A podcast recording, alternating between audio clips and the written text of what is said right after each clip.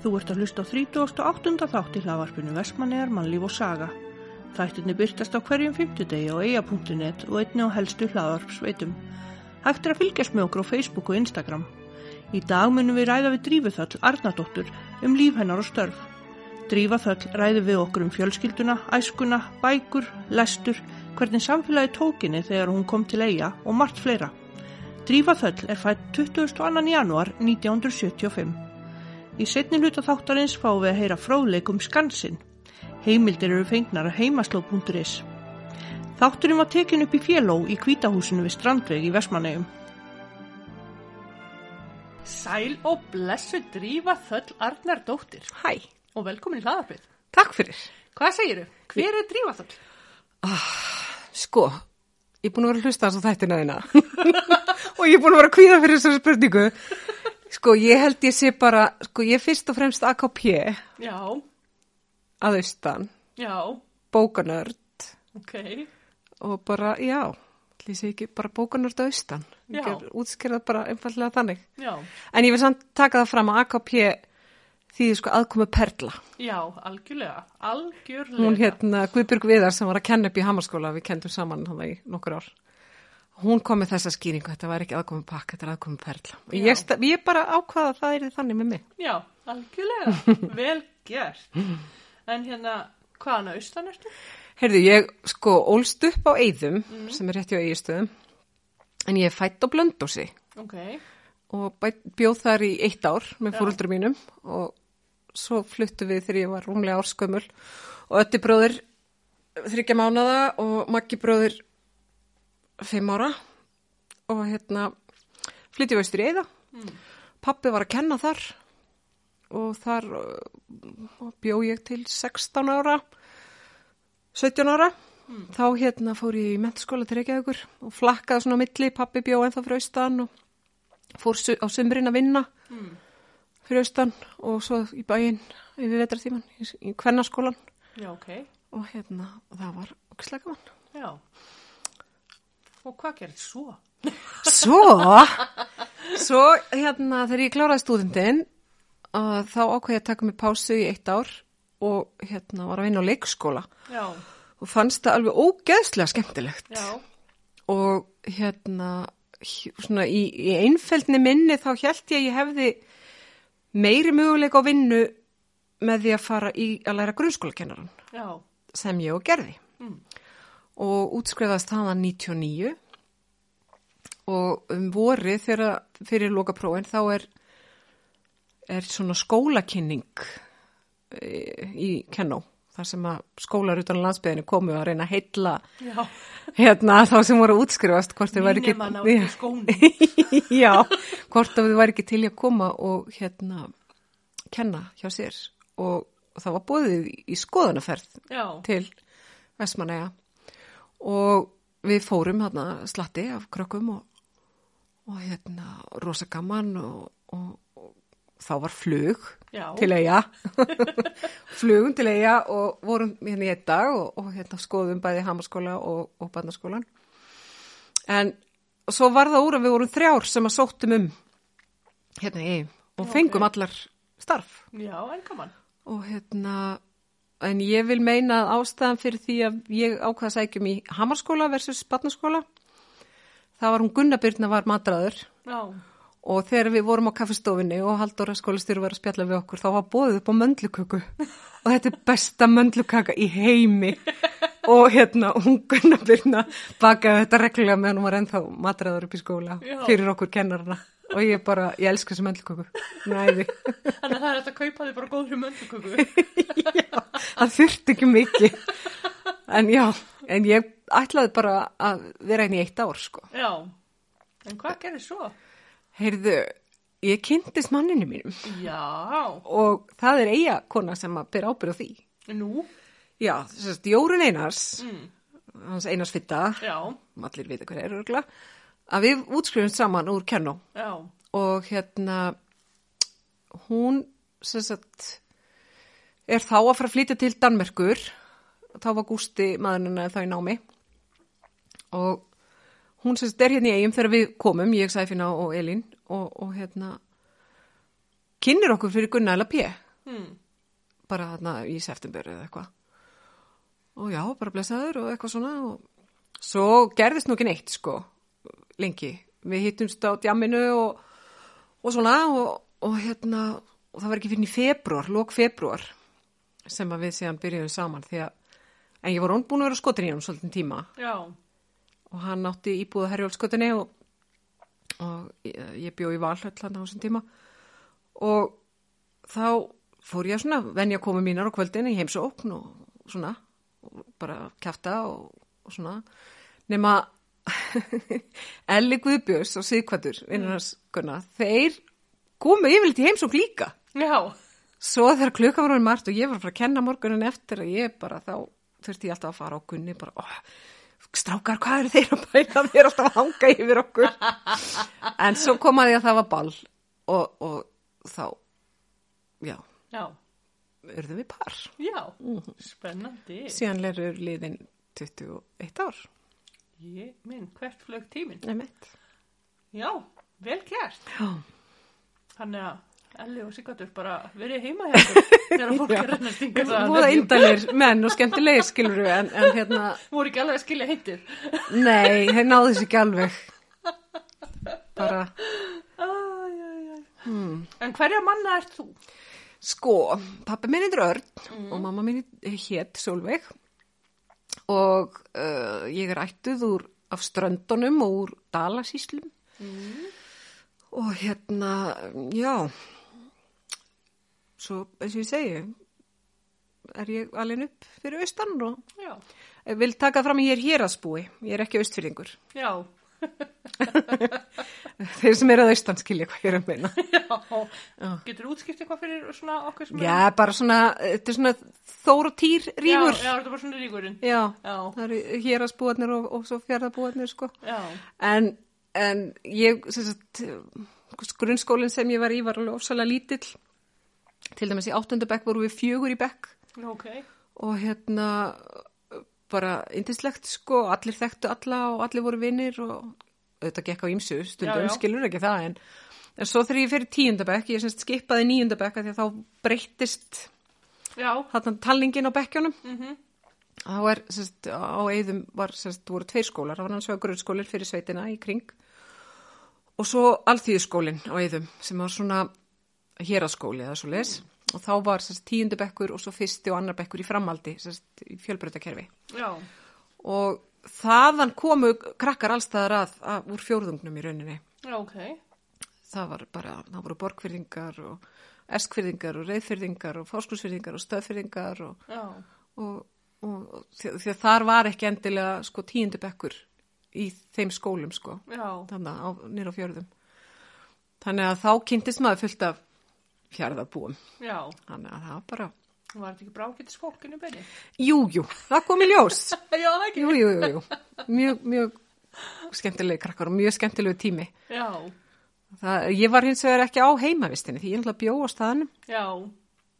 Þannig að hérna, fyrir utan hálfan vetur að þá hérna, sem sagt, fluttum við úr einbílshúsi sem við vorum í og, og í litla kennaríbúð og hérna, og ég náða að suða það út að ein vinkona mín var ein í herbyggi Já. og ég fekk að vera á vistinni hálfan vetur. Já. Það var mjög gaman. Já. Fá að prófa þetta. en hvernig eru fjölskylduhæfinni í dag? Herðu við Gunni L.A.P. Mm. erum gift og eigum tvö börn, Já. týpura, sem eru hún 12 ára. Já. og hérna, eru bráðum að vera stærri en ég. Það stýttist í það, ég er bráðum verið minnst á heimilinu. En já, Já. og jú, svo er ég með tvo ketti líka. Já. Mm. Og hvað hérna, hvernig barn og úlingu varst þú? Ég, sko, ég held ég hef nú verið tiltölulega stilt, sko. Það var náttúrulega kannski ekki mörg prakkarastrik þarna um að ræða fyrir austan, því að þetta, sko, það byggu á eyðum um það byrjum 50 manns. Já. Já. og hérna við vorum hátta nokkur og svipuðum aldri og hérna og það var náttúrulega bara verið úti Já. þú veist, það eru tré Já. Ég veit ekki hvort þið viti hvað, nei, tjók. Hérna skóar þarna með allt í kring og það var Já. tjötn og það var hægt að fara og skauta þar á veturnar og synda þar á sömrin og, Já, ok. og það var hægt að veiða og, og, og svona, sko. Þannig að það var náttúrulega broslega mikið bara úti. Svo náttúrulega líka las ég alltaf, ég var algjör bókormur bara frá upphafi, sko. Já.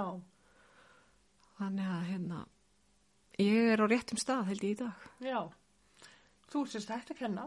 Já, ég hérna kendi í um það byrjum tíu ár og hérna sem sagt, kendi þangar til að ég verð ofríska tíbrunum og var heima í tvö ár með þau og svo hérna kendi ég einn vetur og ákvað þá að hætta. Og ég held svona eftir á að higgja, þetta er náttúrulega orðin dóldi mörg ár síðan, um, já, allir sé ekki nýju, átta ár síðan, já, að þá var ekki komin þessi umræðum börnátt eða kulnun í starfi. Já.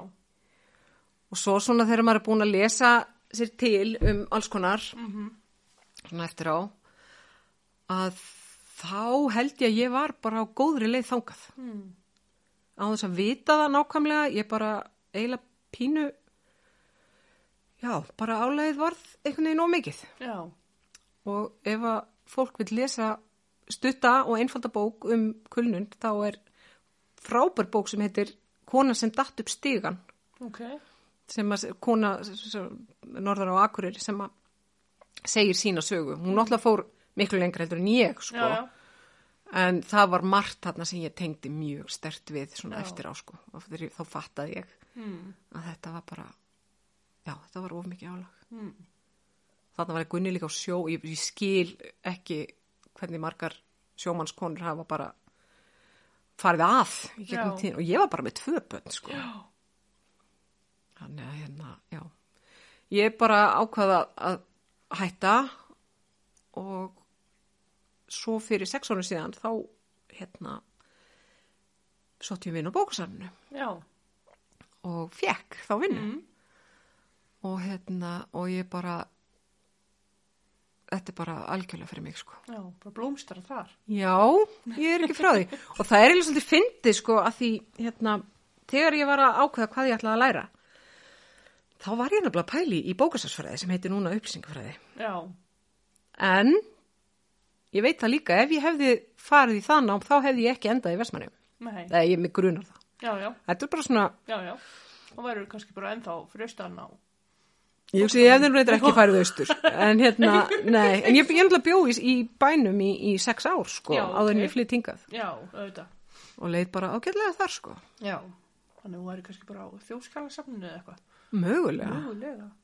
mögulega. Ég mitt hérna fórum daginn, hérna, að því ég starfa aðeins að fjölminningamálunum líka, Já.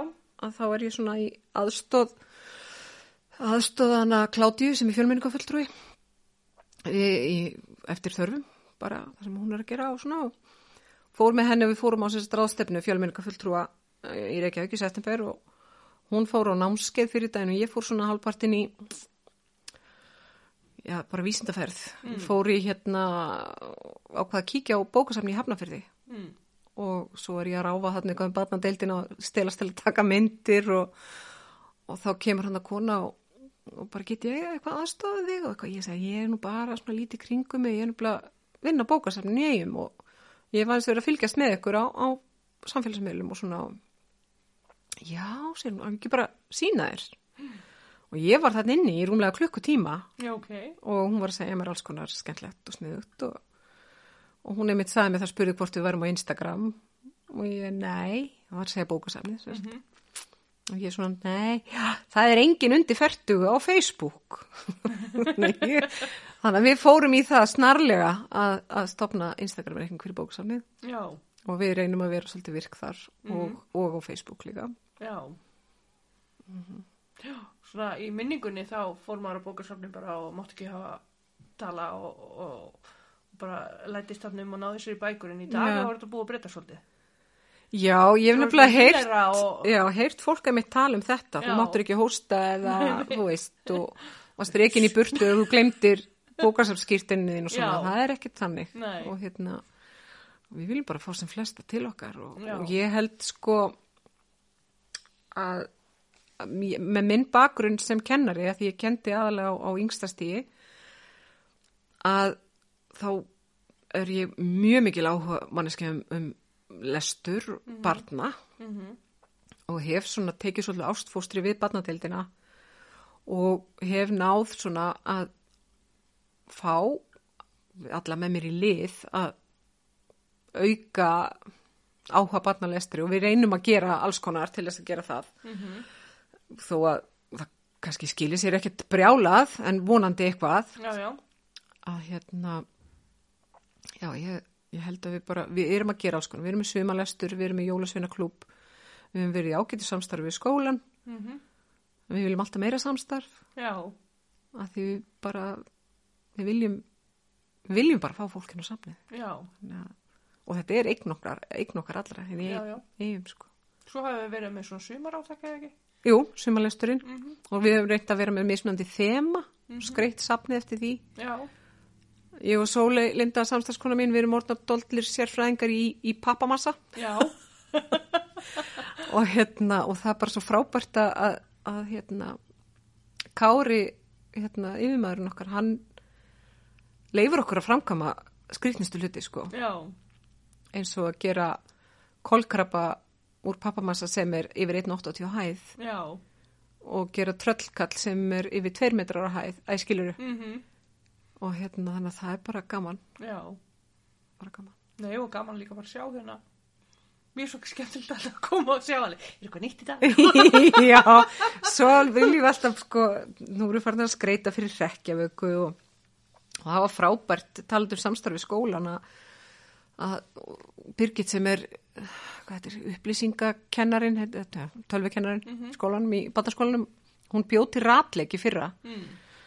í einhverju forriti sem heitir Goose Chase og þannig Mhm. að krakkarnir koma með skóla iPodana og, og í samstarfi okkur bjóðum til þennan ratleik og við gerum þetta aftur núna Mhm. breytum honum örlítið og, og, og skreittum náttúrulega svolítið hrauslega en okkur langar alltaf til að skreita meira við erum alltaf með hugmyndir um að bæta við og bæta við þannig að sama með jólin og jólaskreitið Já. það er alltaf að bætast við þar Já. þannig að við viljum hafa þetta lifandi við Já. viljum já, og áhuga hvetjandi Já. og svo náttúrulega er nýja verkefnið sem að skólinn er að fara í, þannig að kveikjum neistan Já. sem er skólaþróuna til tíu ára að þar er aðal gúruinn, hann heitir Hermundur og nú man ég ekki hvers svona hann er hann er íslensku maður sem er búin að vera búsettur í Noregi lengi og er mikil fræðimaður á sviði lestrar og lestrarkerslu og, og hann hefur fengið okkur með í þetta verkefni á bókusamninu Út og hvað gengur það? Það gengur út á það að uh, auka lestrarkitu, að Já, bara að því að sko meða við kannanir að þá hafa nefendur og sérstaklega drengir dreist aftur úr varandi lestrarkunnáttu og markmiðið er að, að allir verður orðni læsir í öðrum bekk Já, ok. og það gengur svolítið út á að, að hérna, nefendur hafi lestrarefni sem tengst þeirra áhugasviði Já. og þegar að við vorum komin inn í það verkefni þá bæði fórum við að stað fengum sumar starfsfólk sem, sagt, sem að ríkið eh, sponsaði út af COVID Já. háskólanemendur og það var farið í það að lita kóða alla barnadeildina Já, ok. eftir erfiðleikastíi Já. við gerðum það nú ekkert á brjálaðislega vísindarlegan hátt sko uh, en, en við erum búin að lita kóða 7000 og eitthvað bækur Já, sæl. og svo erum við að vinna því að, að, hérna, að efnisgreina Já. safkostin Já. í barnadeildinni þar að segja Já. til að byrja með og í tengslum við það að þá hérna er ég og, og Sæfina mhm.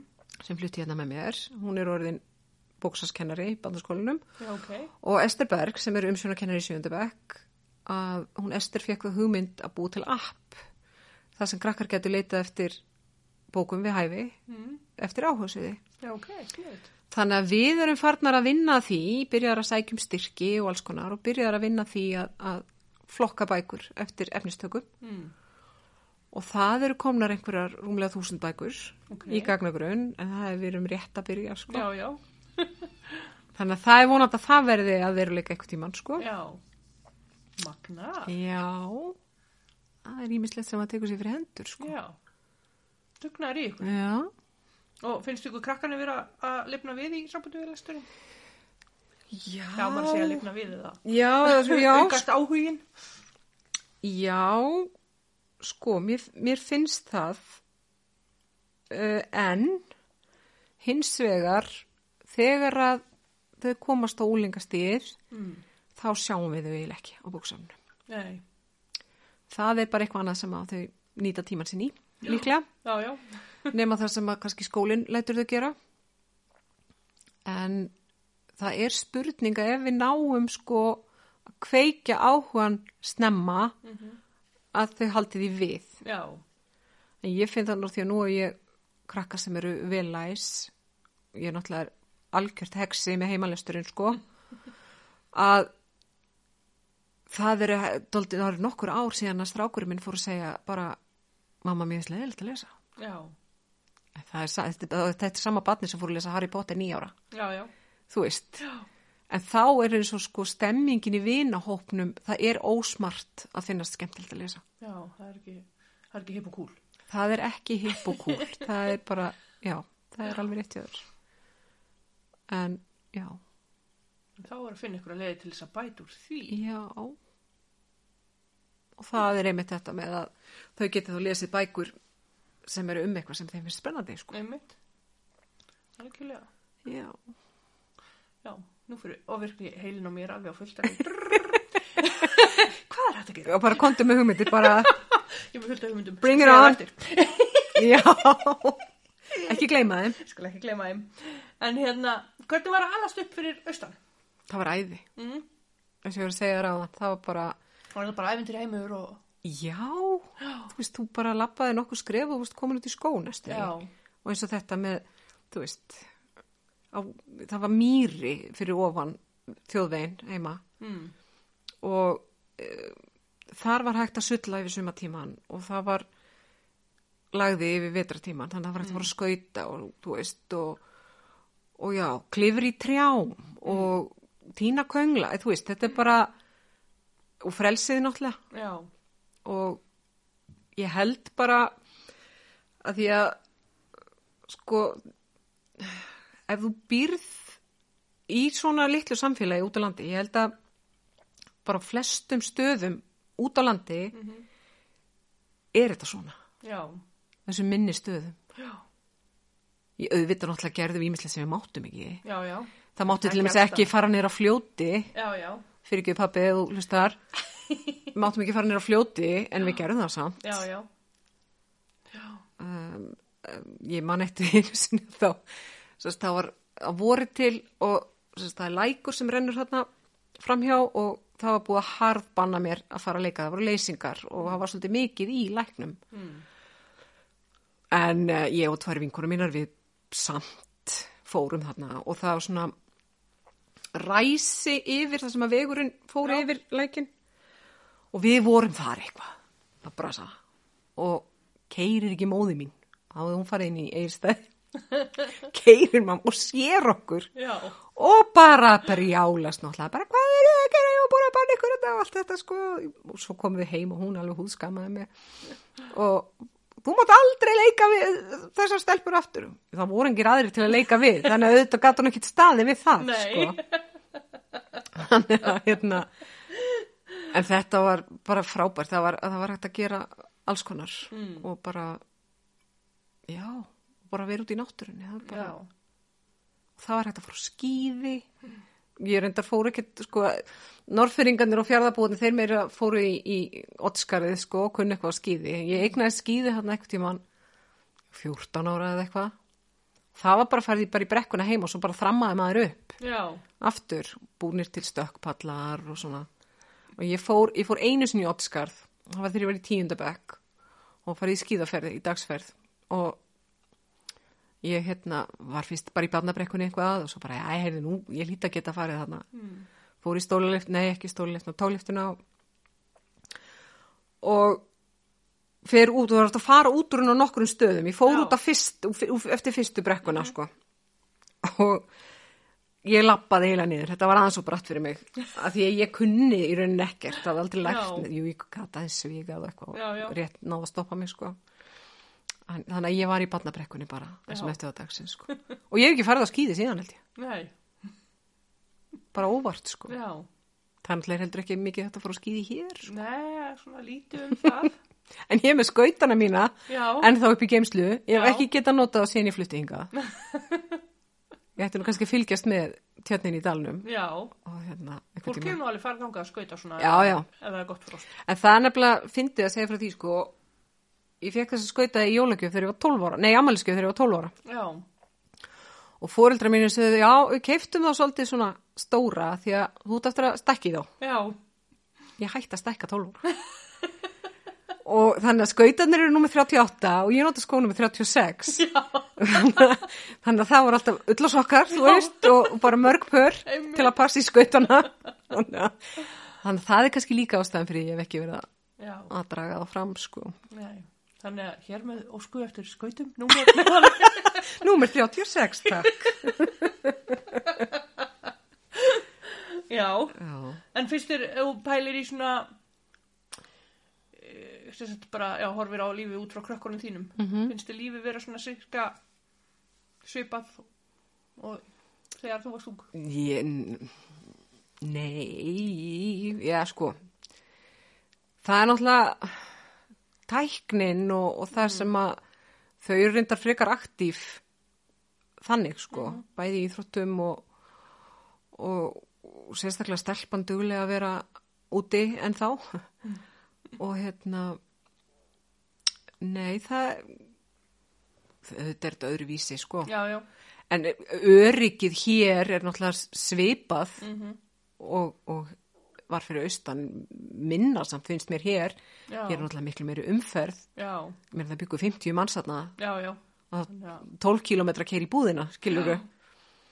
Þannig að þú veist, það, já, þetta, börn eru að upplægi eins. Þeim finnst gaman að Bara Mm. príla og, og þú veist, í staðan fyrir að klifra í trjám þá lefðu, fórum við með þau út í hraun og lefðum að klifra í hrauninu, já, bæði gamla og nýja, þú veist, Einmitt. og fyrir þeim var náttúrulega að fara í fjallgöngu að labba upp pröngkantinn já, upp á ásæðveginum þar sem við erum heima já, og að það er standa einhverja hríslur einhverstaðar, það er fyrir þeim skóur, skilur hérna, það er nefnilega það sem ég sakna, já, það eru trén. já, Ég reyndi, það er einhverjar lufsur þarna í garðinum hjá mér, fekk pappa til að gefa mér hérna, plöntur, þær urðu ekkit hærri en bílskúrin, sko. Nei.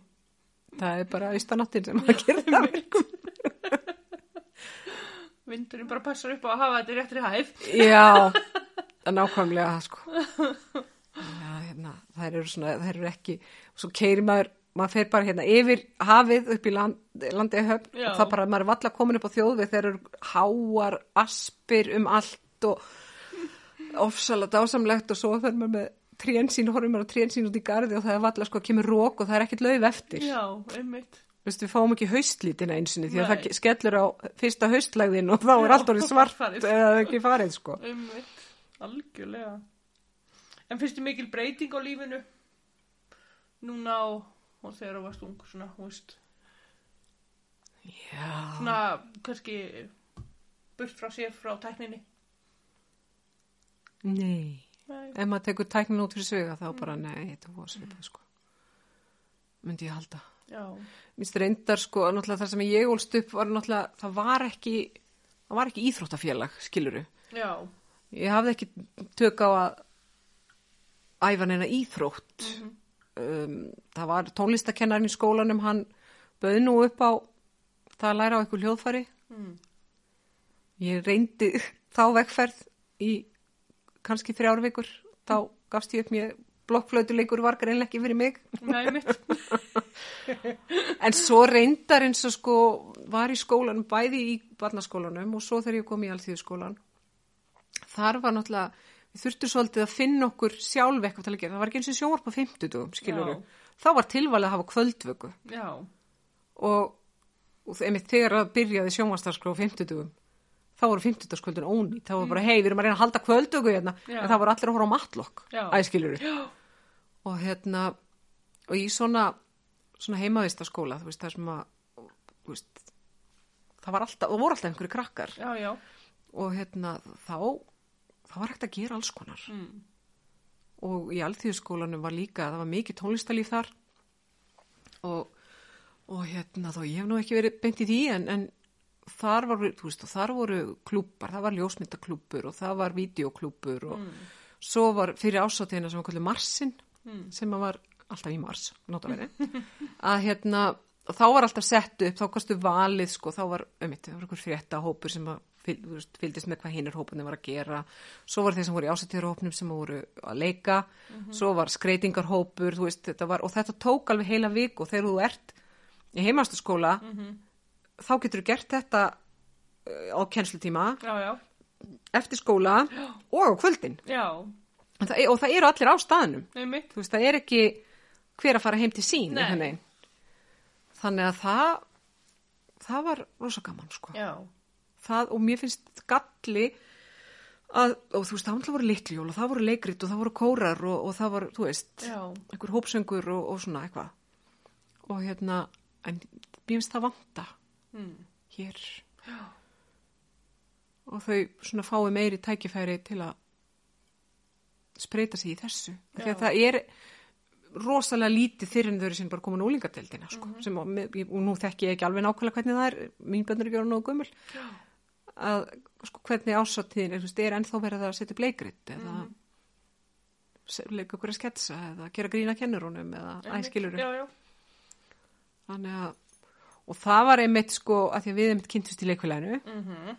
að hérna ég náttúrulega and, endaði þar hér- þegar eftir ég flutti hingað og það var Andri Sigurvins sem Mhm. Já. að kom mér í það já, ok, hann nefnilega kom austur að hérna, setja upp Marsin, hann var að leikstýra já, ok, Marsinum já, og ég tók þátt í því í tvö ár og þegar að hann kemur hingar hitti ég hann upp í skóla eða eitthvað já,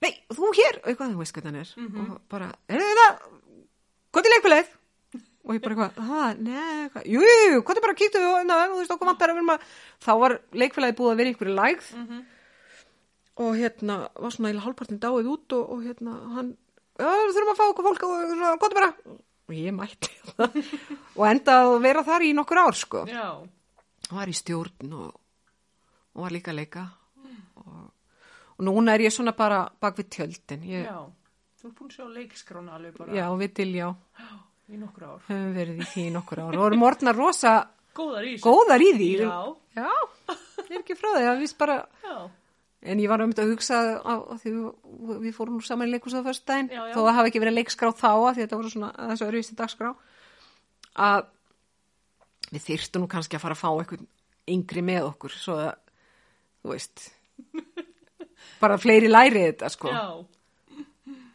Að hérna, ekki það, ég er ekkert að fara að hætti þessu, eða Nei, nei. neitt þannig, við finnst það Bara- nú skemmtilegt, sko. já, já, en já fara að fá okkur nema, já, við þurftum eiginlega að gera það Leik, leikskrá nema.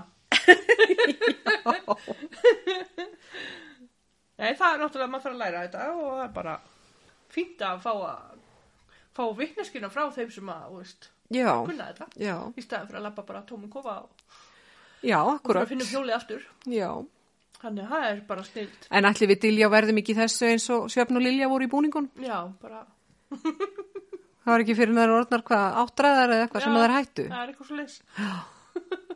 við Dilja verðum örgli því Já, en við höfum náttúrulega fína ver verkaskiptingu sko já, því að ég er engin sölumanniska mm, og í þau skipti sem ég var eitthvað að reyna að safna auglýsingum og svona já, ef að fólk segja já nei takk ég bara alltaf, já takk að þér samt verið bless já, Dilljá gefur fólki ekkert færa því, sko.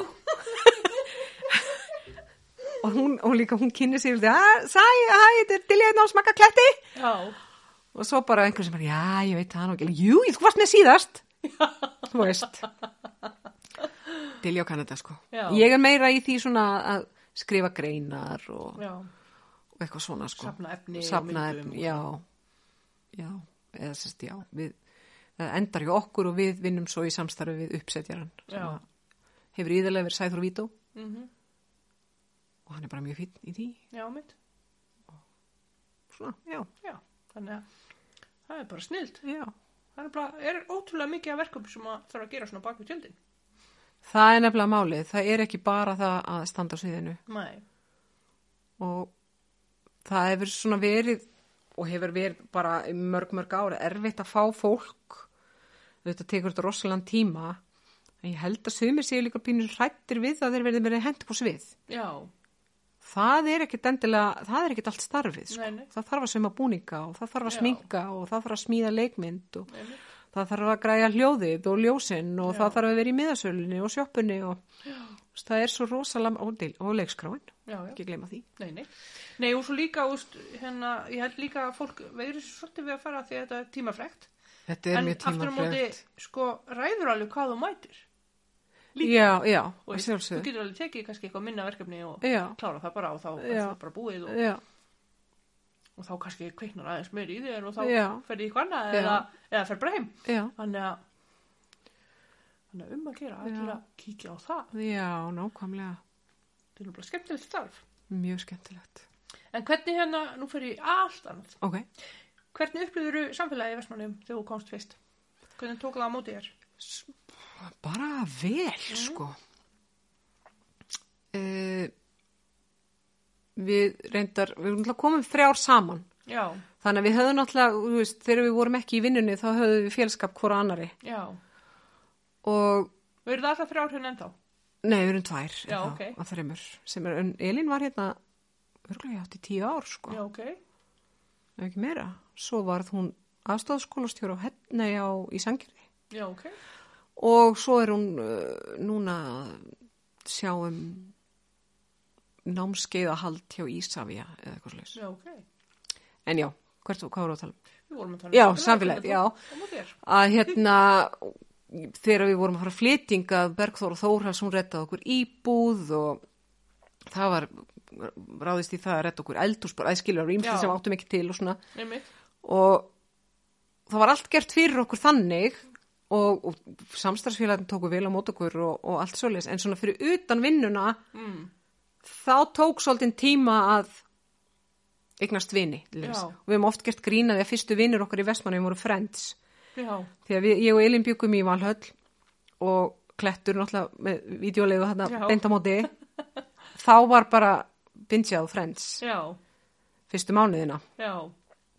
og hérna þannig að já, það, það tók mér fannst það taka svolítið tíma og ég það var einn hérna sem ég þekki sem er líka aðkomu perla og vorum einmitt að spjalla saman um daginn og, og, og hann segir við mig og honum, hafi- hann hafi myndið upplýða þetta líka var svona fólk kjælt honum í ákveðinni fjarlægð mm -hmm. þangar til hann var búin að kaupa sér hús Hmm. og hérna og þá sagðist hann að hafa spurt einhvern í kringu sig, ég man nú ekki hver það átti að verið en hvers vegna þetta væri, fólk hefði haldið honum svona í fjarlægð Já, Já, maður er kannski nennir ekki eigða orku að kynast einhverju sem flytur sín aftur í burtu. Já. Og það var svona, já, kannski er það málið, ég, ég er svolítið spes.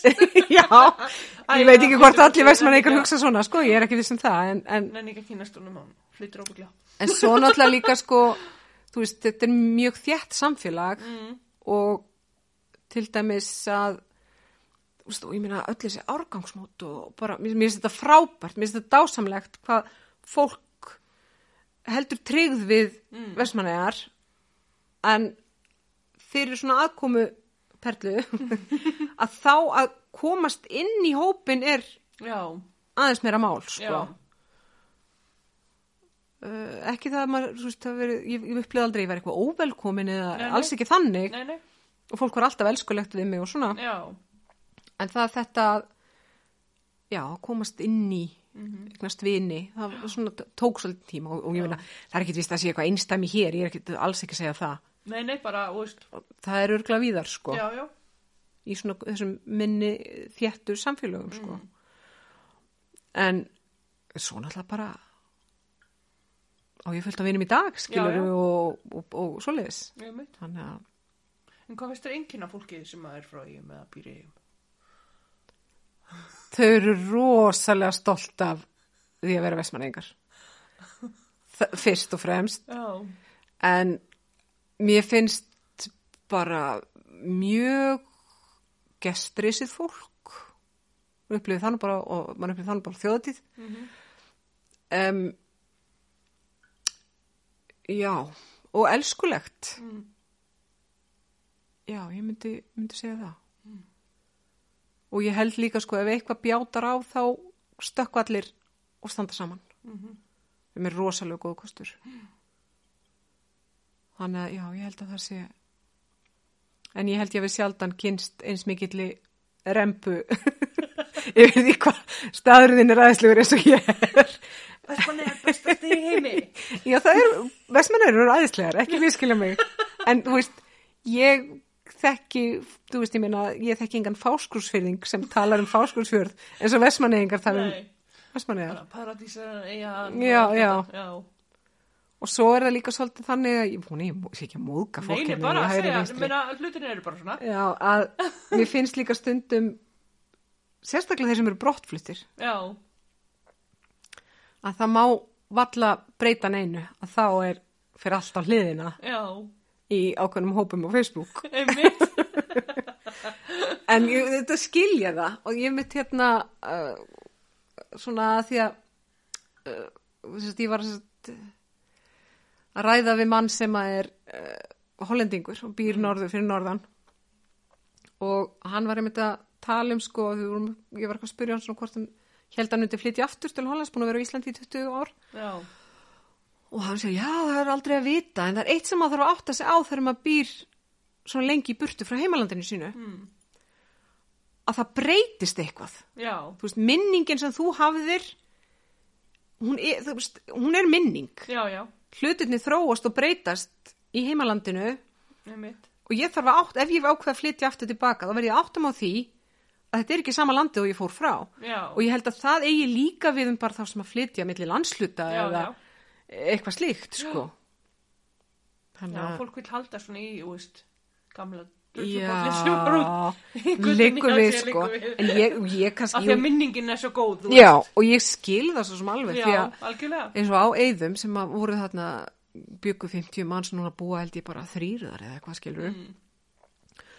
ekkert skólahaldar lengur og alþjóðskólinn sjálfur búin að drabbast niður, það hefur ekki verið starfsemi þar í mörgar, það var alltaf hótel þar á sumrin Mm. Já. skóli yfir vetratíman og svo sem sagt eh, ég veit ekki alveg nákvæmlega af hverju hvort það voru færri sem að sóttu skólan eða þú veist það var ákveð að leggja niður Já, og, og ríkið selur sem sagt, jörðina með, já, Og, s- með, með skólanum á og Sigurjón Sigvats kaupir þetta með Já.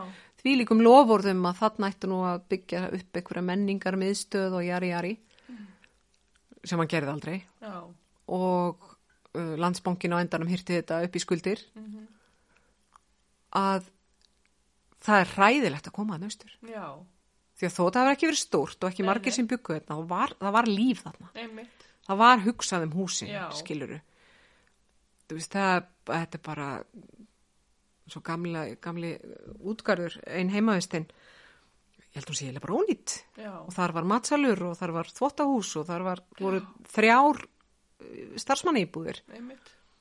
pluss heimavist Já, já, Og þetta virkar þetta er bara mjög sorglega en ég skil það alveg að fólki finnist breytingar erfiðar Já, en stundum eru þar bara nöðslegar já, já, algjörlega. Nei, og líka bara þróunin er oft aðeins ráðari heldur um að vill. já, já, það er líka bara þannig Ég er til dæmis ennþá að jafna mig á því að Íslandsbanki sem fluttur. og það sé búið að loka fiskisafninu. Heyrðu, taland um það Það er svo fá stæði Já. í Íslandsbanka Mér sé alltaf verið að leggja ykkur stór út á götu í þau fáu skittir sem ég þarf að fara á Ég var myndið heitupottunum í gær og það var myndið að ræða þetta gær. Það er allt of á stæðið þarna. Já, já Hmm. Nei, nei, maður bara lappar það aðeins lengra Það er bara allt í En lagi svo er hana Ísulagslóðin, það eru stæðið þar og hægt að labba hann. Jú, jú, vissulega En þá Vissulega sagði hinn, þá er svo langt að labba, við löpum ekki svona langt í versmanni.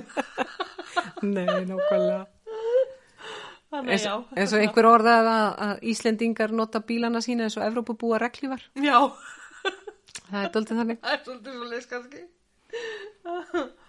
En hvenær byrjar að vinna og hvar? Bara almennt bara á vinnumarkaðanum Já, Heyrðu, fyrsta vinnan mín var bara úlingavinnan heima. Mm. þá vorum við að slá og reyta arfa og já, Mást hvað skumul? ég held ég að verið 13 eða 14 ára Já. ég er ekki alveg, manna ekki alveg það var, voru mín fyrstu kynni af, af starfi Já. förstu starfi Já. svo alltaf hafði ég verið að passa og eitthvað svona Já, en það var já. kannski ekki alveg að marka svo sem sagt uh, svo svona kannski alvöru starfið þá nú er það var aðeins að rugglast saman í, í minningunni, nú man ég ekki hvort það var já, það var sumarið áður en ég fór í kvennaskólan Mm. þá vann ég á kaupfélag, í kaupfélaginu stöðvafrið Já, ok. þá var pappi kom mér í vinnu þar á þess tektan kaupfélagstjóran Já. og ég var þar um sumarið. Svo hef ég unnið á, hún var kona uh, fyrir, á eigistöðum sem að, nú man ég ekki hvað búðin heitir, sétt.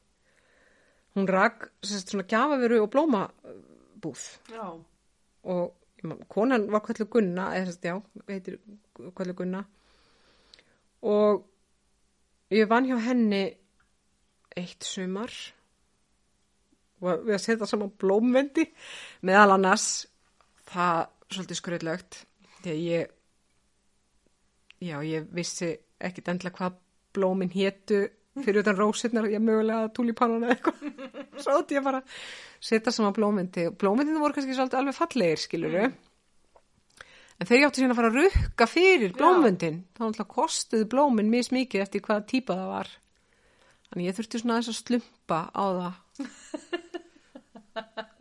svo vann ég tvö sumur á hótelinu heima og hérna var að þjóna þar Já.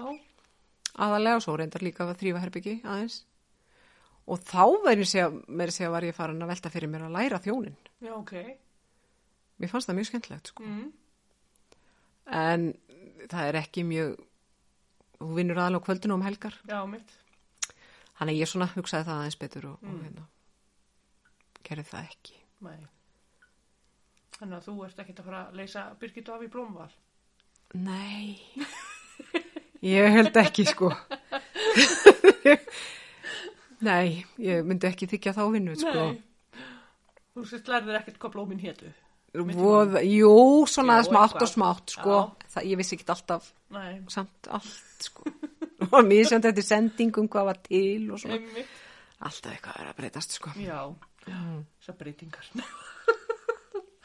en hérna. En svona að því við erum að búinu í sjáaþorpi, Já. þá er ég bara að játa það hér og nú. Mm. Ég hef aldrei unnið í fiski. Já.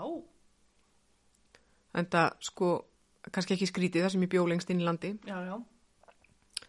en já, ég hef aldrei unnið í fiski Mm. sem að mér finnst pínu leðilegt Mm. að hafa ekki þá reynslu Já. það er svo margir sem ég þekki sem hafa unnið í fiski Já. en ég er ekki vissum ég myndi endast lengi í því djópi Nei. ég hef sko held ég þrísarsunum, tvísarsunum, þrísarsunum stíð fæti inn í fristús og bara klíjaði við lyktinni bara í, í, á þröskuldinum Já. Ég ætlaði að mynda að fara að segja að það vanti að kannski á lónuvertina. Ég mitt. en ég, þú veist, já Nei. Það er langar að prófa. Ég myndi, ég myndi frekar móka flór, Já. held ég. Ég hef aldrei vanist gúan á lyktinni hérna til þess. Nei. Hún er mis, mislæm bara. Og Þið finnst ekki að vera peningalikt. nei, engan veginn. Nei. Svo, svo ef við erum að keira um landið þegar nýbúið að bera skít á túnin, þá Já. vil ég helst opna gluggana, Já, sko. bara- Men öll fjö, mín I fjölskylda. love it. Já, ég er svona, ga, er svo gæin í dalalíf, Já. svolítið. Þannig að, en Og ekki það, krakkan er alveg bara, uh, já, en ég samt, sko, ég, ég ég samt var heldur aldrei í sveit. nei, Þú veist, ég Nei, bjó nei. aldrei á sveitabæ. nei, nei, þó ég hafi verið í sveitinu um og afastundum sko. Mm. þannig að þannig að ég hef nú upplifað það að reka beljur úr haganum og svona, já, gefa hænunum já, en, en já, ég hef ekki svo sem ekki unnið neitt við það heldur nei. Það er spurning, hún farið bara í starfskynningu í... Nú fæ ég hugmynd að vera svona sjómaðstáttar sem að drífa fyrir starfskynningu. en veistu hvað, ég er nefnilega ég er hann 46 ára Já, og ég hef oft eldað fisk já, og finnst fiskur mjög góður, Já. alls konar fiskur nema ég var að fara að elda fisk um daginn og við áttum í, í fristi ísu en með róðin á. Já. Og ég segi svona eitthvað, við Gunna, heyrðu, þú þarft svo að hérna róðfletta, ég er að fara að elda fisk og, í kvöld. Mm. Það var ekkert máli, ég er velkomin heima og hérna, eitthvað, eitthvað, og svo er ég byrjað að undirbúa matinn og ekki kemur Gunni og eitthvað og ég bara, ó, heyrðu, ég bara prófi þetta sjálf. Já. Og þetta var gorgeous. Já, það ekki. Það var eiginlega ekkert eftir úr róðinu. Já. Þessi tvö flög sem ég gerði. Sko, stelpuna. Já. Þannig að ég var mjög ánað með sjálf þegar ég kom í vinnuna daginn bara eftir, eftir ég bara stelpur, veitir hvað ég var að gera í gær? Það er alveg hvað, fannst ég held að vera eitthvað hra- rosalega merkjöld að gerast. Ég roðfletti Ísu og það er bara, ha? Hvað ertu gömul? Ég bara, ég er 46 ára. Hvað, ég bjó í Reykjavík og þá bara let maður að gera þetta í búðinni, í fiskbúðinni. Já. Og svo, þú veist, já. Já. Og ég meiri segja einu sinni þegar við Elin byggum með þá í Valhöll og þá vorum við Gunni reynda að byrja saman og, og hann Snorri Jónsson sem er með löndunum gengið. Já. Gunni var einhvers þær í burtu að vinna. Kemur ekki Snorri með sko hálffullan ruslapoka með, af fiski til að gefa mér.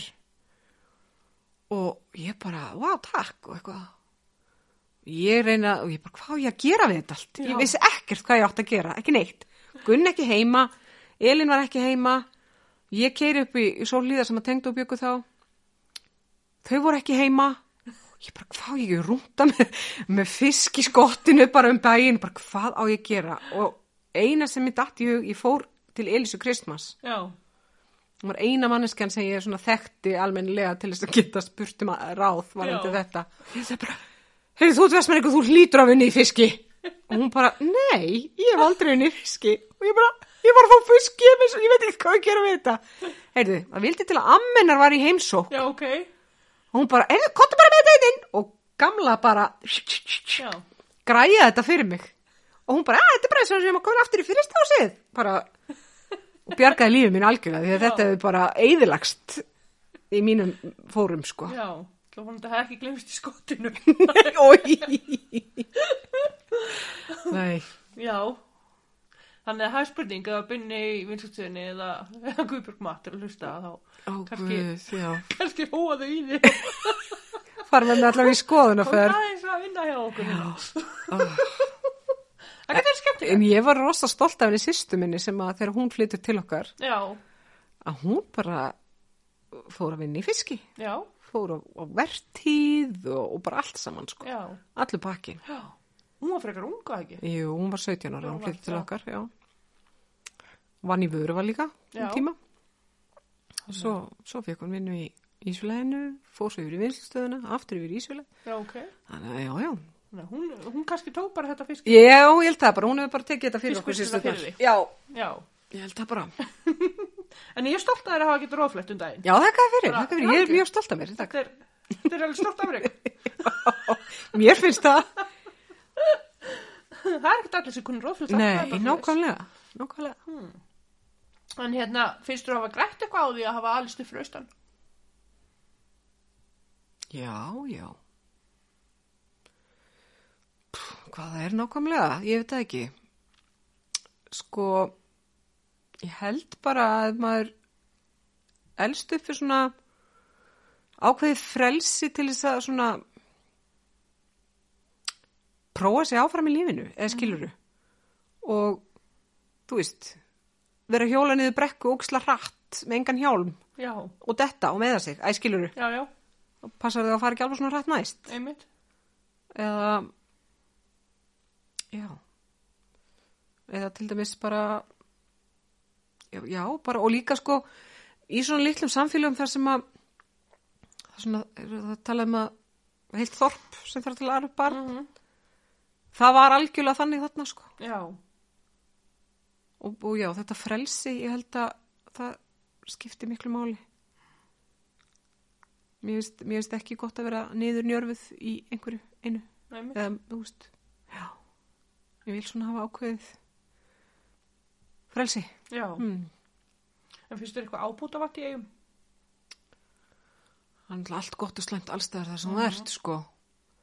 Það sem að pyrrar mig mest núna er uh, heilbyrðistjónustan og þá er ég ekki endilega að tala um heilsugessluna sem slíka.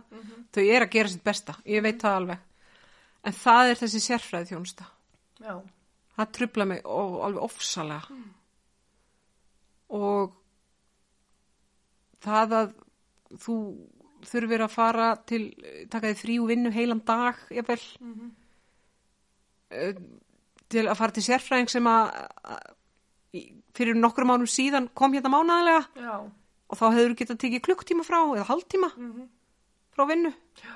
það trubla mig einna mest Já. og, og þjónustan við fólkið hér og, og þú veist eins og ég segi ég veit að þau eru að gera sitt besta og fólkið á spítalanum er frábært sko Já. en mér finnst galið að það sé ekki hægt að gera smávægilegar aðgerðir hér ef það kemur eitthvað upp á mm -hmm. skilu það eru allir að fara suður Já. uh, þú þarft að fara til auglagnis og þarft að fara í bæinn mm. æskilur, Já, já. ég veit að þeir verða að breyta einhverju sístemi núna Já, já. En, en þú þarf samt alltaf að fara í fyrstu skoðunum á land. Já. Já. Það, það trubla með þetta mest núna. Um, Kanski að því ég er búin að þurfa að vera bæði sjálf að þvælast og með sonin, mm. skilur Og já, annars er sko, maður getur alltaf, maður á heldur ekki alltaf innblýna á það sem er, þú veist, leðilegt eða Já, mótt. Þetta er ógislega skýtt að það sé ekki alltaf landið höfn. Já, já. En það er bara ekkert hægt að ráða við það, við ráðum ekki við veðrið. Einmitt. Þannig að Já, ræðið þú ekki við það? ég ræð ekki við veðrið, veit ekki með þig, en hérna, en ég sko, ég er ennþá þeirra skoðun og var að því að áður en landið höfum að gerð að hér ætti að vera göng Mm. og ég er ennþá þeirra skoðun að það hefði átt láfa nátt að klára að rannsaka hvort hægt var að gera göng eða ekki, Já. en ég er ekki alveg að sjá það í mínum líftíma að það verði göngin á milli sko. því að ríkið mun aldrei splæsa svona miklum peningum meðan við það sem eru búin að ausa í Já. Herjólf og Landeyhöfn Já. síðust ár. Einmitt. En ég meina, það er bara, ég held að Við ættum kannski bara að fara og gerast færi skeia. mögulega væri það Við góð erum hugmynd. endalist að gera ykkur göng. Fyrir ykkur bara pingulíla bæja, sko. Já, Það er víslega færið eru aðeinslegar og ef maður gemist í gegnum göng þangað, ég verði alveg til. Já, við erum góða vinni færaðinga. Já. Svolítið löngum til færaðinga. En ef það væri lest, Já, mm, getur verið. Hraðlest. Hugmynd. Færeyingar vilja ætluð okkur. Já. Já, ég afsaka það, ég fyrir alltaf í rugglu þegar ég er í kringu því. Ég Já. skil mig, Það er eitthvað, það er þetta fýblar í úr það leikursinu. er eitthvað svo leis, það er eitthvað svo leis. En eins og ég segi, það er, já, það er, annars er, það er fullt gott í versmannegjum líka. Já. Og það má ekki gleyma því. Já, Það er bara fullt gott að gerast. erstu með eitthvað hugmyndi til þess að ebla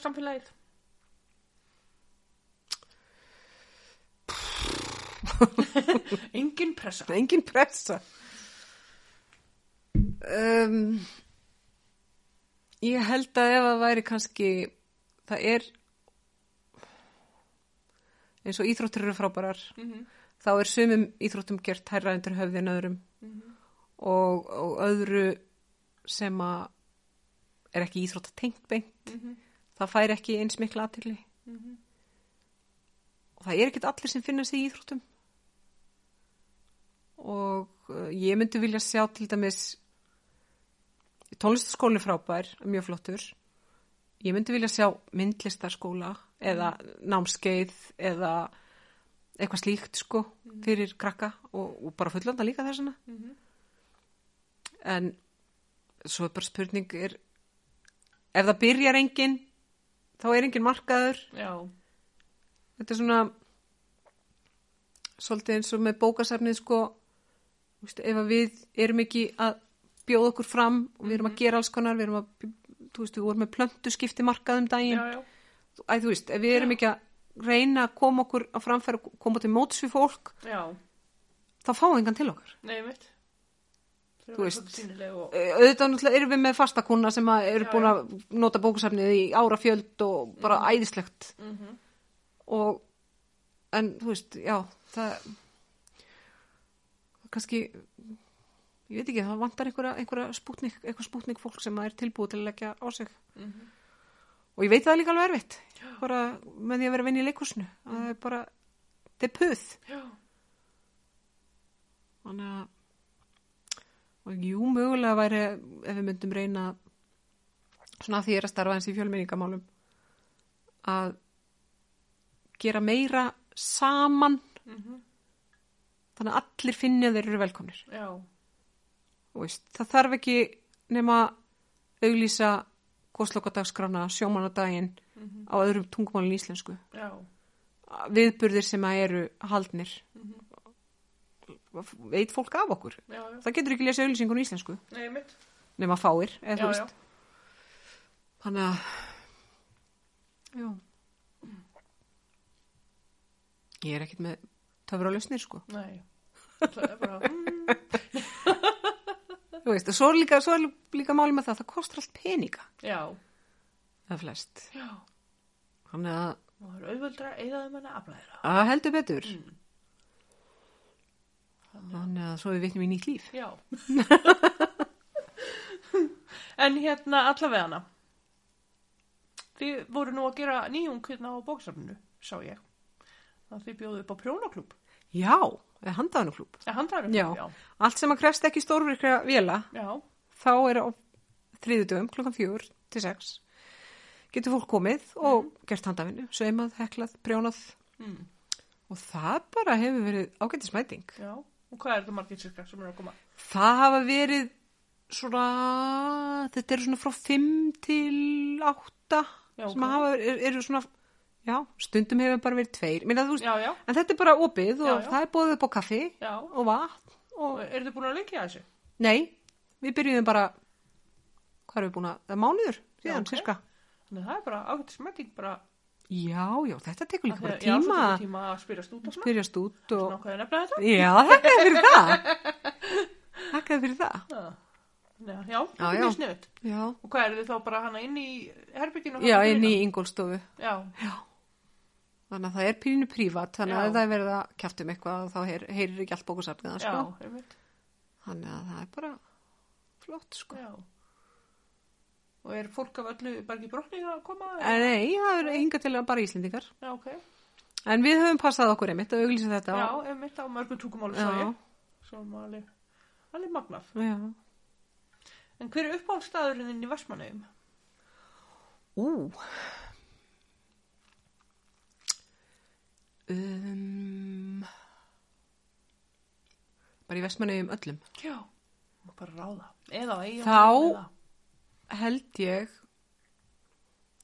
ég hugsa, Gunni myndi móðgast um ef ég myndi ekki nafna brandin. Já, já, slæmið þú var að segja. En það er nefnilega líka hann bað mín þar. Ú, Já. Og hérna, já, hann bað hann að það er náttúrulega skorað dóldi hátt, sko. Já. En svo er náttúrulega bara dásanlegast í heimi að fara út í súlnasker. já, Það er bara, ég var náttúrulega að vinna tvö sömur á ripsafari Mhm. og það er bara ævindýri að fara þangað, sko.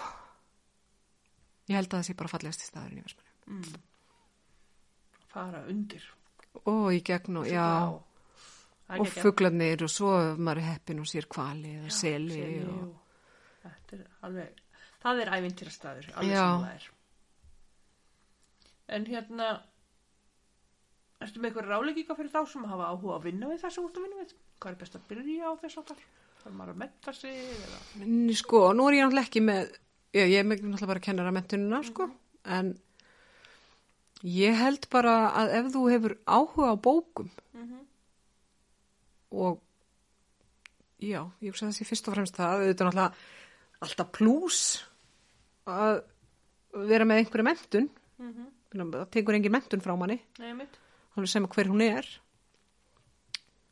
þannig að sko ef þú kannski vilt fá almennilega borgað þá myndi ég fara í upplýsingafræði Já, en hérna já, bara ef þú eins og ein samstarfskona mín sagði við mig þegar ég var tiltölu að nýbyrjuð og þá segir hún við mig það sérst svo vel að þið þykir vænt um bækur já, og mér varst rosalega gott að heyra það já, þannig að hérna enda líka sko ég er að sjá stundum hérna uh, Facebook fæslur fyrir frá þeim tíma þegar ég var að byrja já, og ég bara, sko, hverjum degi ég kom bara, var ég búin að segja ykkur að ég er í bestu vinnu í heimi, ég er umkringt bókum alla daga, þú veist, alveg hérna rosa í dramatísk sælu heim. alveg, sko En já, ég held að þessi sko ef þú hefur áhuga á bókum og kannski ríka þjónustulund líka. Því að mér finnst skef, sko, einna skemmtilegast er að ráðleggja fólki að lesa einhverja bók og svo kemur það að skila bókinni og segir þetta var æðisli bók, hverju Já. mælurinn með meira? Já, þú veist, eða að í- foreldrar koma með börnin sín og vantar lesefni fyrir krakkana og það er einhver krakki sem bara öðumist bara ekkert gaman að lesa sko. Þannig að allir svolítið í þessu sérstaklega þessi eldri að reyna að finna réttu bókina. já, Því að ég held að ef þið finnst leðilt að lesa þá ert ekki búin að finna réttu bókina. já, Það ég held að sé bara þannig. já, algjörlega, Þá er bara að leita já, og gefast ekki upp. einmitt. prófaði þessa, prófaði þessa. En hvað gerir þú til gamans? Lesa? lesa ég hérna já, við erum alltaf þátt rosalega gaman að lesa og að versta er sem að við erum að vinna á bókasafninu að þegar maður átt að segja á því hvað maður á eftir að lesa mikið Já, hvað eru margar bækur til í heiminum sem ég langar að lesa Já. og ég mun aldrei komast yfir það allt já, saman þannig að hérna, já, að lesa nummer 1 og 3 og svo lærði ég að hekla við þremur árum síðan og hérna talandi um hvað þetta er frábær vinnustæður þær er, voru hérna nokkrar í- í vinnunni sem að voru með handavinn alltaf í kaffetímanum mm. sauma eða hekla og þá voru í tísku hérna uh, tuskurnar sem allir voru að Já. hekla og prjóna og ég segi eitthvað svona við þær hérna, heyrðu hvernig væri að þið sem að kunnið Mm. við myndum hittast eitthvað tímann og þið myndum kenna okkur sem kunnum ekki nei já, og úr því var það við hittumst mánaðarlega já, ok, og hérna eftir vinnu og gerum handavinnu saman og borðum og gjöftum og, mm.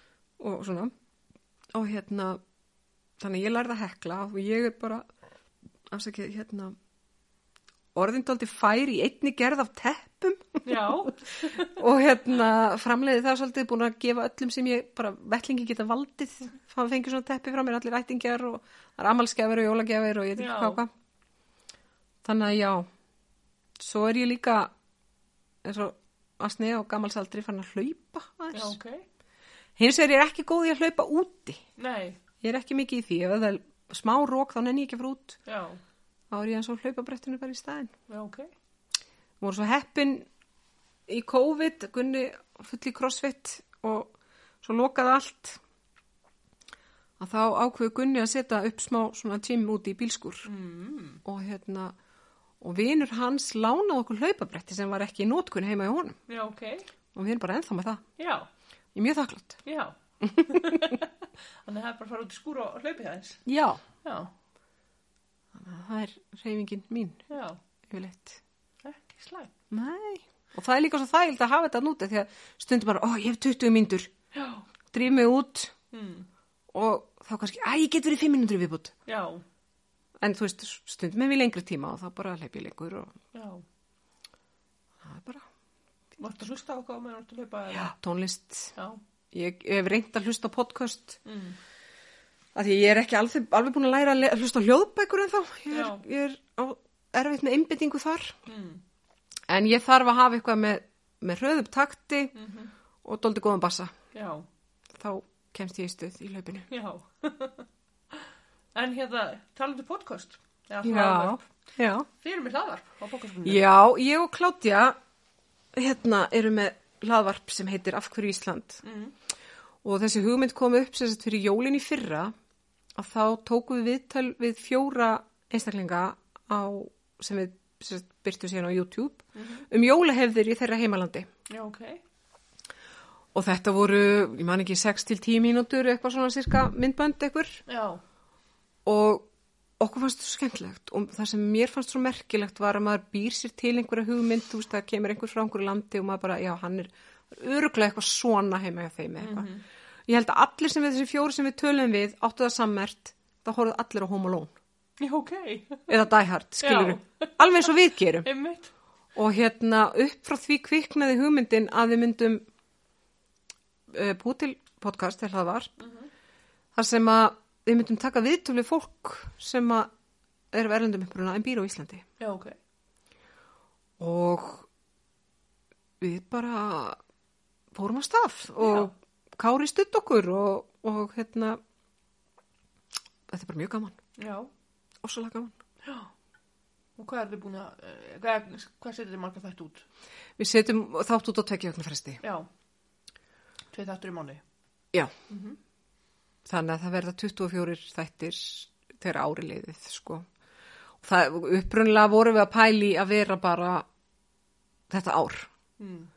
en svo er það bara svo gaman, okkur langar að halda áfram Já, og hérna og það er bara mér finnst sko allar þessar sögur vera merkilegar Mhm.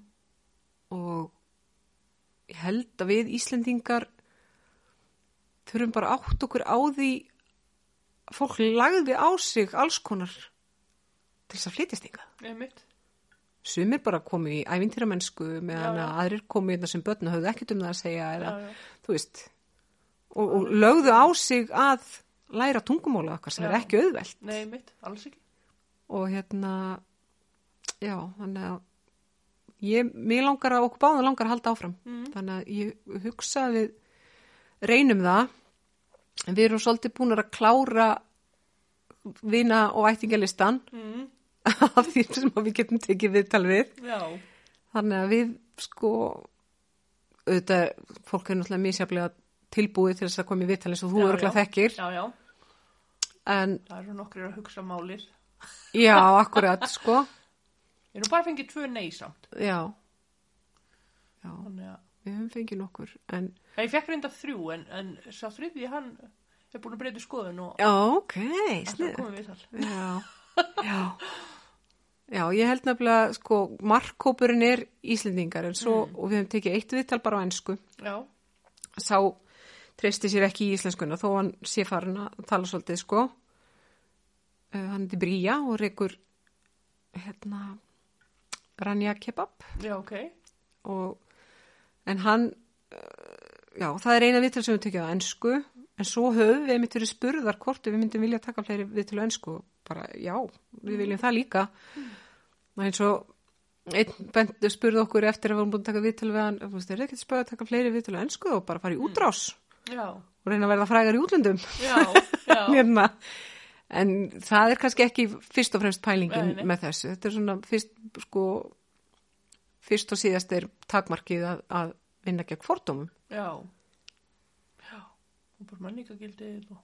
já, Mhm. af því líka sko þetta er ekki endilega frækt fólk eða Nei, nei. eitthvað sem hefur fólk sem hefur unnið einhver brjáluð afreg Nei, nei. sem að komast í fréttinnar Já, þetta er bara svona verðilegt fólk. sko. venjulegt fólk sem að bara að það hafa allir merkilega sögu að segja Algjörlega.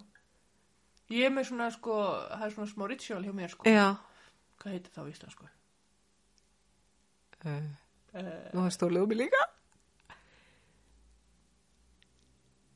Já, við skulum ekki auksum um það Það var oflanga þögn Við skiljum þetta á við klippum. Hvað heitir það? Hefð. Já, Já, það er smá hefð í kringum, sko, hjá mér. Það er hérna, ég læti sér strann í bað, já fyrir hei, sjóundi heitt bað og hlusta á eitt þátt af, hérna, af hverju Ísland.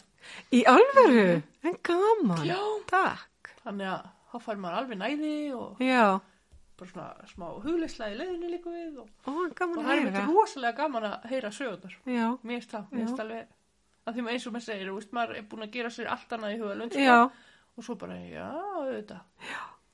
En svo líka kannski hefur maður smá reynsla því maður er sjálfur búin að vera í þessu sporum að fara inn í ókunnugt land, og- ókunnugt land já að hérna, Já, það er einmitt eitt viðtali sem að við erum búin að taka já, við hennar Jórun Einars, vinkonu Já. mína sem að býr einmitt í Danmörku já, og þá er mitt það sem mér fannst nefnilega merkilegt við það, það sko var hvað hún hafði svipað að sögu að segja og þeir sem að innflytjarnir sem við höfum talað við sem Já. að flutt til Íslands einmitt.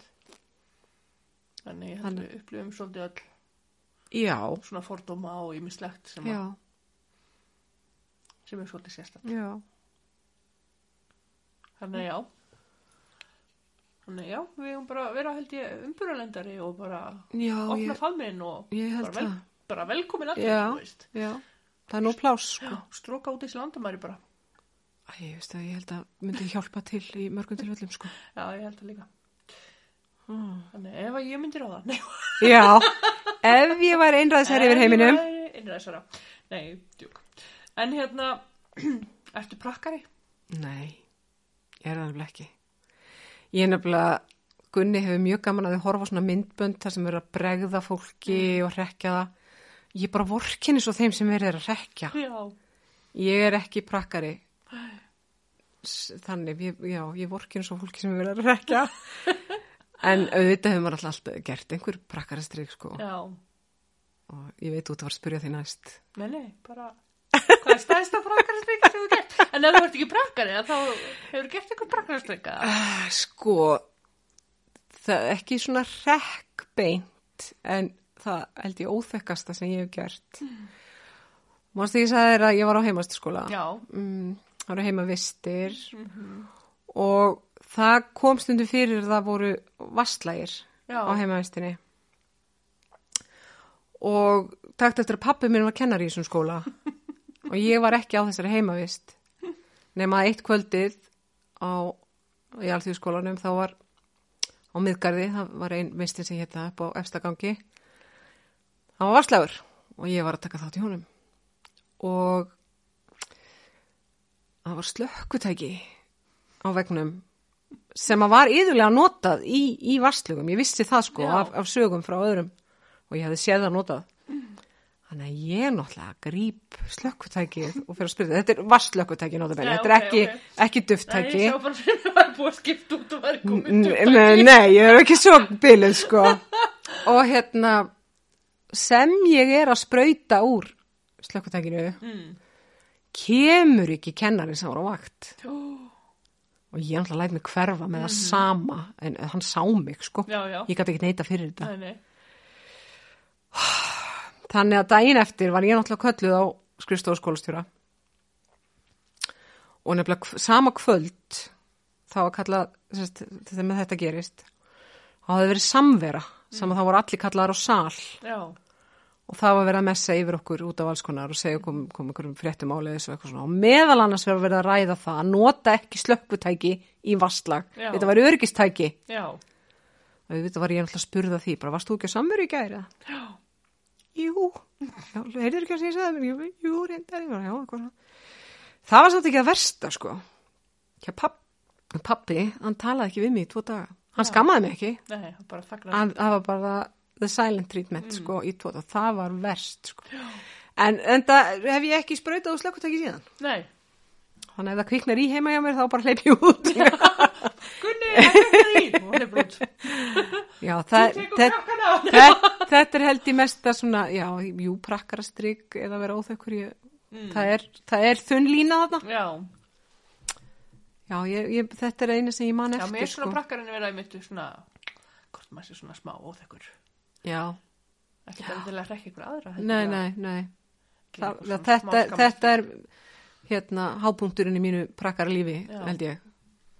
Og eftir það ákastu bara að vera stilt ung stúlka. Já, ég reyndar, var það yfirleitt, sko. Já. En þú veist, ég bjó, bókabjöðs, þeir eru ekki mjög radikal í, í sínu lífi yfirleitt, held ég. Já, ég var yfirleitt mjög stilt, sko. Já. Stanga til að fóta reykja okkur alltaf. Já. Tjók. Þá fór ég að flippa svolítið. Já. Nei, nei. Þá var það svona Komin að- skvætta úr. komin í sollin og höfuborg í höfuborginni. Já. Já. Borg óttans. Borgóttans nákvæmlega. En af hverju segir maður alltaf borg óttans? Er það ekki líka fordómar? Jú, en er það ekki bara úr fóstbræðurum? Já, getur verið. Ég held það. Ég held þetta sé úr fóstbræðurum. Þannig ég tekið tilbaka úr Reykjavíkuborg. Höfuðborg. Já. Og voru ljúft. Já. En ertu með ykkur að sögu, handa okkur svona í endurinn svona? Eða langaði að segja okkur eitthvað í endurinn? Eða? Um, Jesus.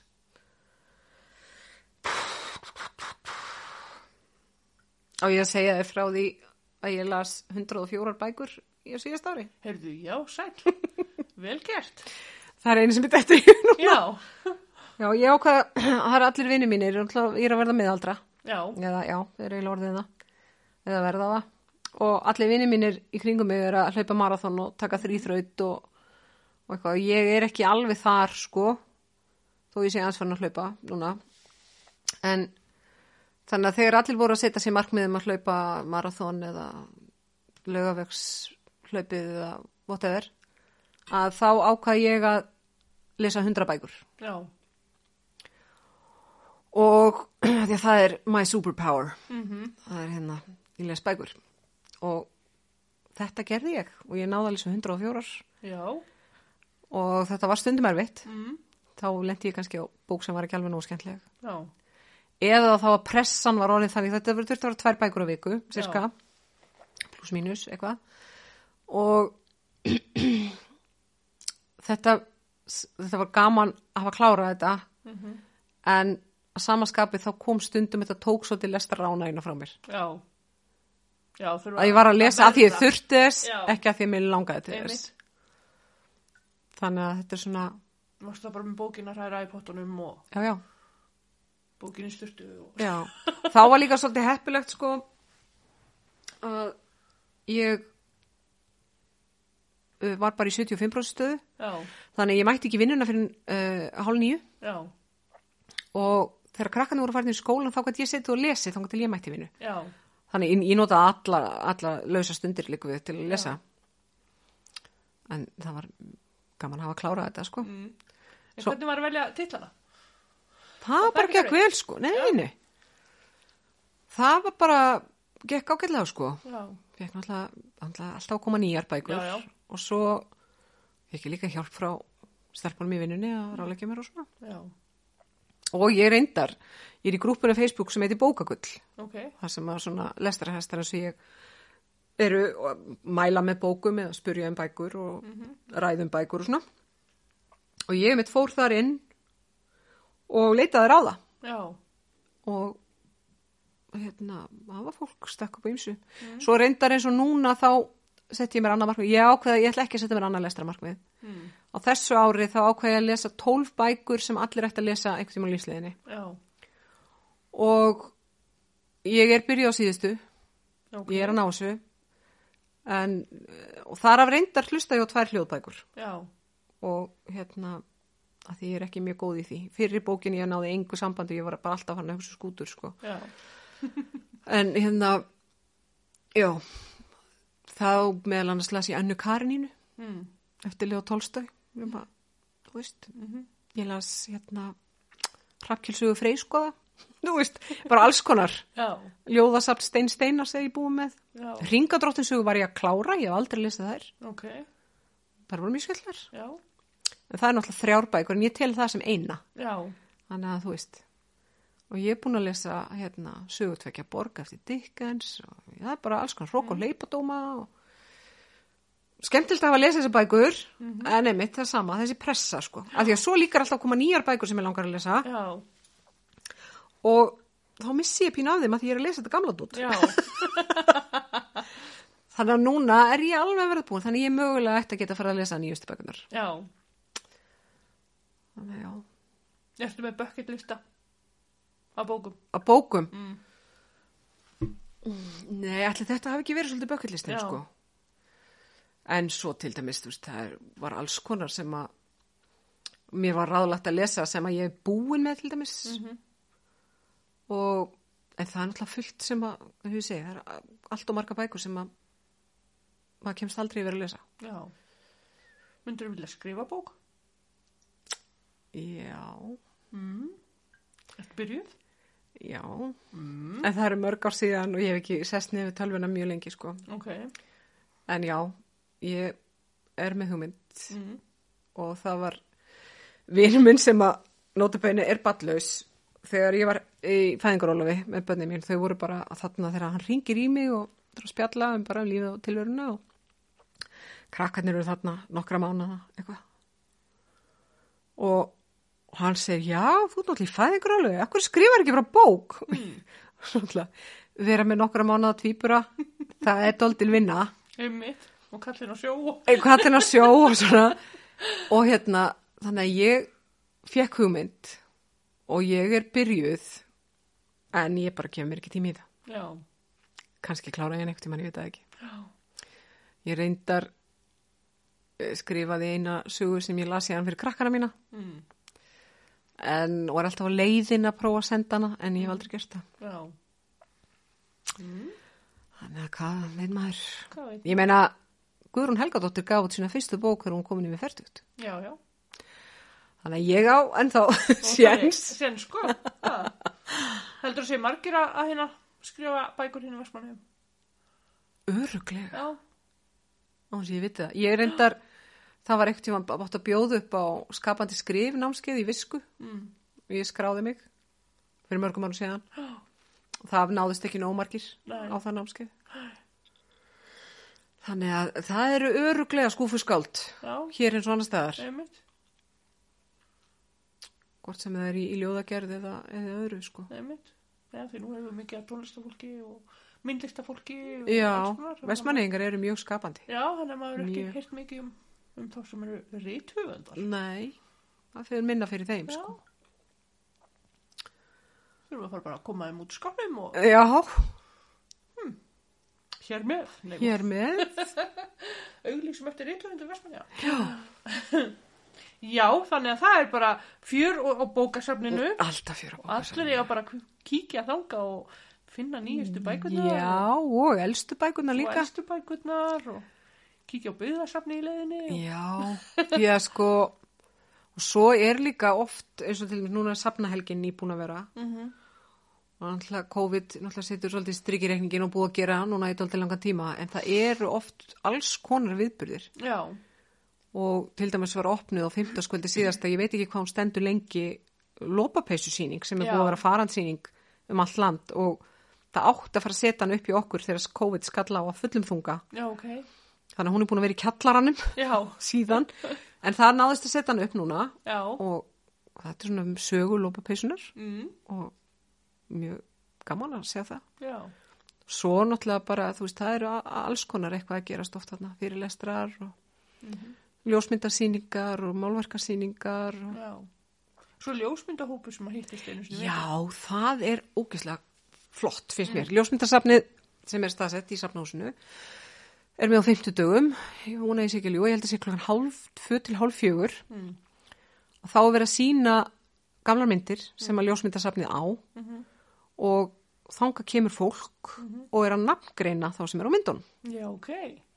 sem er náttúrulega bæði skemmtilegt fyrir þá sem eru að horfa á myndirnar. Mhm. Við erum með sko hóp sem að mætir alltaf, en það er allir velkomnir sko. Já, já. En það eru þarna, við erum með fasta gesti þarna sem eru bara algjör snillingar Mm. og safnið græðir á því að geta Einmitt. nafngrind þá sem eru á myndun. Já. Þannig að Upp á seinni tíma sko. Það er þá starfsmenn sem skrifa niður. Starfsmenn skrifa niður Já. Mhm. og svo er þetta fært í bókar og, og sett í gagnagrunn og Já, ok. og þetta, þetta er búið að vera í daldið langan tíma og það var náttúrulega þurft að hætta þessu meðan að COVID var Já, já. sem allra alvarlegast Mhm. og þetta er nýbyrjað aftur, nú veit maður ekki hvernig COVID þróast hvort að það þarf að slaufa þessu aftur, ég von ekki en það fólk hjekk á hurðarhúninum Já, þeir sem að mæta alltaf þeir Já. voru svo spennt að fá að komast aftur einmitt. Nei, mjög skemmtilegt. Já, þetta er mjög gaman Þannig að safnið er mjög lífandi og... Ég myndi segja það, Mm. ég myndi segja það Já, bara þakka þið kærlega fyrir spjallið og aldrei að veita um að ég pikki þið aftur þegar þú ert búin að skrifa bókina. Já, akkurat Engin pressa. Engin pressa, takk fyrir Takk fyrir að bjóða mér Það eru bara takk fyrir að koma. okay. Sjáum. Sjáumst, bæ Nú fáum við að heyra smá um fróðlegum skansinn, heimildirinn um fengnar af heimasló.is. Þetta sögubrót er í bóði bókasar frösmanega. Kornhólskans, betur þekkt sem skansinn, hefur í aldaraðir verið fjölsóttur og vinsall meðal versmaneyinga, hvort sem er að sumri eða vetri. Útsýnið og fegurðin hafa löngum verið einstæð, en á veturnar var oft hrikalegt að horfa af skansinum út á vetrasjóin. Fólk fór oft út á skansin þegar bátar voru talstöðalausir og aðstandendur byðu milli vonar og óta eftir að sjá bát skil föður eða eigimanns byrtast fyrir klettsnefið og lensa heilu og höldnu inn víkina. Orði skans er komið úr dönsku og þýðir virki. En nafnið Kornhólskans kemur til að því að hann stóð nálat Kornhóli þar sem Milla var. Hótlinn var einni þekktur sem Milluhóll í sumum heimildum. Til hafa verið hús sem bera þessi þrjú nöfn en öll fóru þau undir hraun. Skansin í Vestmannaum var upprunnilega byggður 1586 til að verja dönsku konungsveslunina ágangi enskra útgerra og kaupmanna sem oft á tíðum virtu kvorki veiði takmarkanir nýja veslunabann. Danakonungur sendi eitt flótafóringja hersins, Hans Holtz, með tæki, mannabla og skotfæri til að reysa skansin. Eyjamenn voru skildaðir í vinnu eftir konungsbóði, launalaust en fengu frítt fæði meðan á vinnunni stóð. Fjóri menn neituðu samt staðfæslega að vinna og voru þeir dæmdar sektir. Virki var líklega úr grjóti eða tré og staðsett á sömu slóðum og núverandi skansinn. Um 1600 hafði ásókn englendinga minkað og var því virkinu ekki haldi við. Á þessum tímum var þó fleira sem þurfti að hafa áhyggjur af. Sjóraningar herjuðu um allt allansafið og þörf var á allri vörn sem und var að útvega. Nokkru eftir aldamótin var hafist handa við að endurreisa virkið. Framkvæmdunar voru enn á frumstigi árið 1627 þegar að Tyrkjaránið átti sér stað og kom í ljós að vespaneyingar þurftu nöðsilega á vörnum að halda. Stjórnvöld hröðuðu verkinu og voru gerðar miklar endurbætur á skansinum nokkrum árum eftir árásina. Danskur herþjálfari var fenginn til að hafa umsjón með landvörnum frá skansinum eftir Tyrkjaránið. Starf hans fól í sér að skipuleggja vökur á helgafelli og að hafa gát á skipum. Hann átti einni að stopna og þjálfa upp herlið heimamanna. Æfingar voru haldnar einu sinni í viku og voru allir bissufærir menn skildaðir til þáttöku. Árið 1639 tók Jón Ólafsson Indiafari við stöðu bissuskittu við skansinn og eftir maður hans og síðasta bissuskitta skansins var Gunnar Ólafsson. Herrfylking Vestmanneja var stopnuð um miðjar 19. öld af síslumanninum Andreas August von Kohl sem var kaftinn í danska hernum og fóru heræfingar fram á skansinum. Kaftinn sem var mikill áhugaðmaður um herþjálfun skipulaði her bæði fullvaksina karla og drengja og var mikill metnaðu láður í æfingar og vikbúnað. Starfsemi herfylkingarinnar miðaðist aðlega því að auka öryggistilfinningu þeirra eigamanna sem óttuðist árásir sjóraningja eftir Tyrkjarónið. Fallbissurnar sem notaðar höfðu verið síðan 1586 voru teknar aftur fram og heræfingar hófust. Eftir andlát hins áhugasama kaftins flosnaðist fljótlega upp úr herfylkingunni þrátt fyrir tilraunir eftirmanna. Vígbúnaður var afturláði niður 1870 til 1880 en skansinn var lengi aðalflagg og merkjastuð sjómana og þaðan fylgst með ferðum skipa. Í setni heimstyrjöldinni var bækistuð breskra setuleismanna og fallbissuvirki á skansinum. Hafist var handa við vinnu við hringskerskarðin árið 1914 og lauk hann ekki fyrr en um 1930 en vegna ágang sjáar þurfti garðurinn mikið viðhald. Viti hefur staðið á gardinum frá því um 1920. Sjóveitan stóð við strandveg. Hún var byggð árið 1931 og kom í gagnið árið 1932. Veitan sá fiskvinnslu fyrir sjó ásamt því að sjúkrahúsi fekk vatn þaðan. Sjóveitan fór að halvu undir hraun árið 1973 en stendur aðeins út úr hrauninu og sérst það niður á skansi. Ásýnd skansins breyttist allverulega árið 1973 eftir að Gauðsá heimaði. Í gósinu bættust rúmir tveir ferkilometrar af hraunni við eiguna og því ekki undan njóta sama útsýnis og áður. Ringskersgarðurinn var úti í miðjum sjó fyrir gós en er nú staðsettur inni í innseglingunni. Með hraunkælingunni var komist hjá því að hraunni færi yfir garðin og hefði það valdi enn meiri skafa ef hraunnið færi yfir garðin. En hraunnið staðnæmdist við garðin og myndaði það svæði sem nú kalla skansinn. Húsi landlist er með eldstu húsum í eigum. Það hefur nú verið endurbyggt og komið fyrir á skansvæðinu. Landlist var byggt árið 1847 og var fyrsta fæðingarheimili á Íslandi byggt við það árið 1849. Í tilefni að þúsund ára ammali kristni á Íslandi gaf norska þjóðin Íslandingum stafkirkju og var henni valinn staður á heimaði á skansvæðinu. Í dag er búið að endurbyggja skansin og er skansvæðið mjög vinsalt til útivistar bæði hjá eigamönnum og ferðamönnum.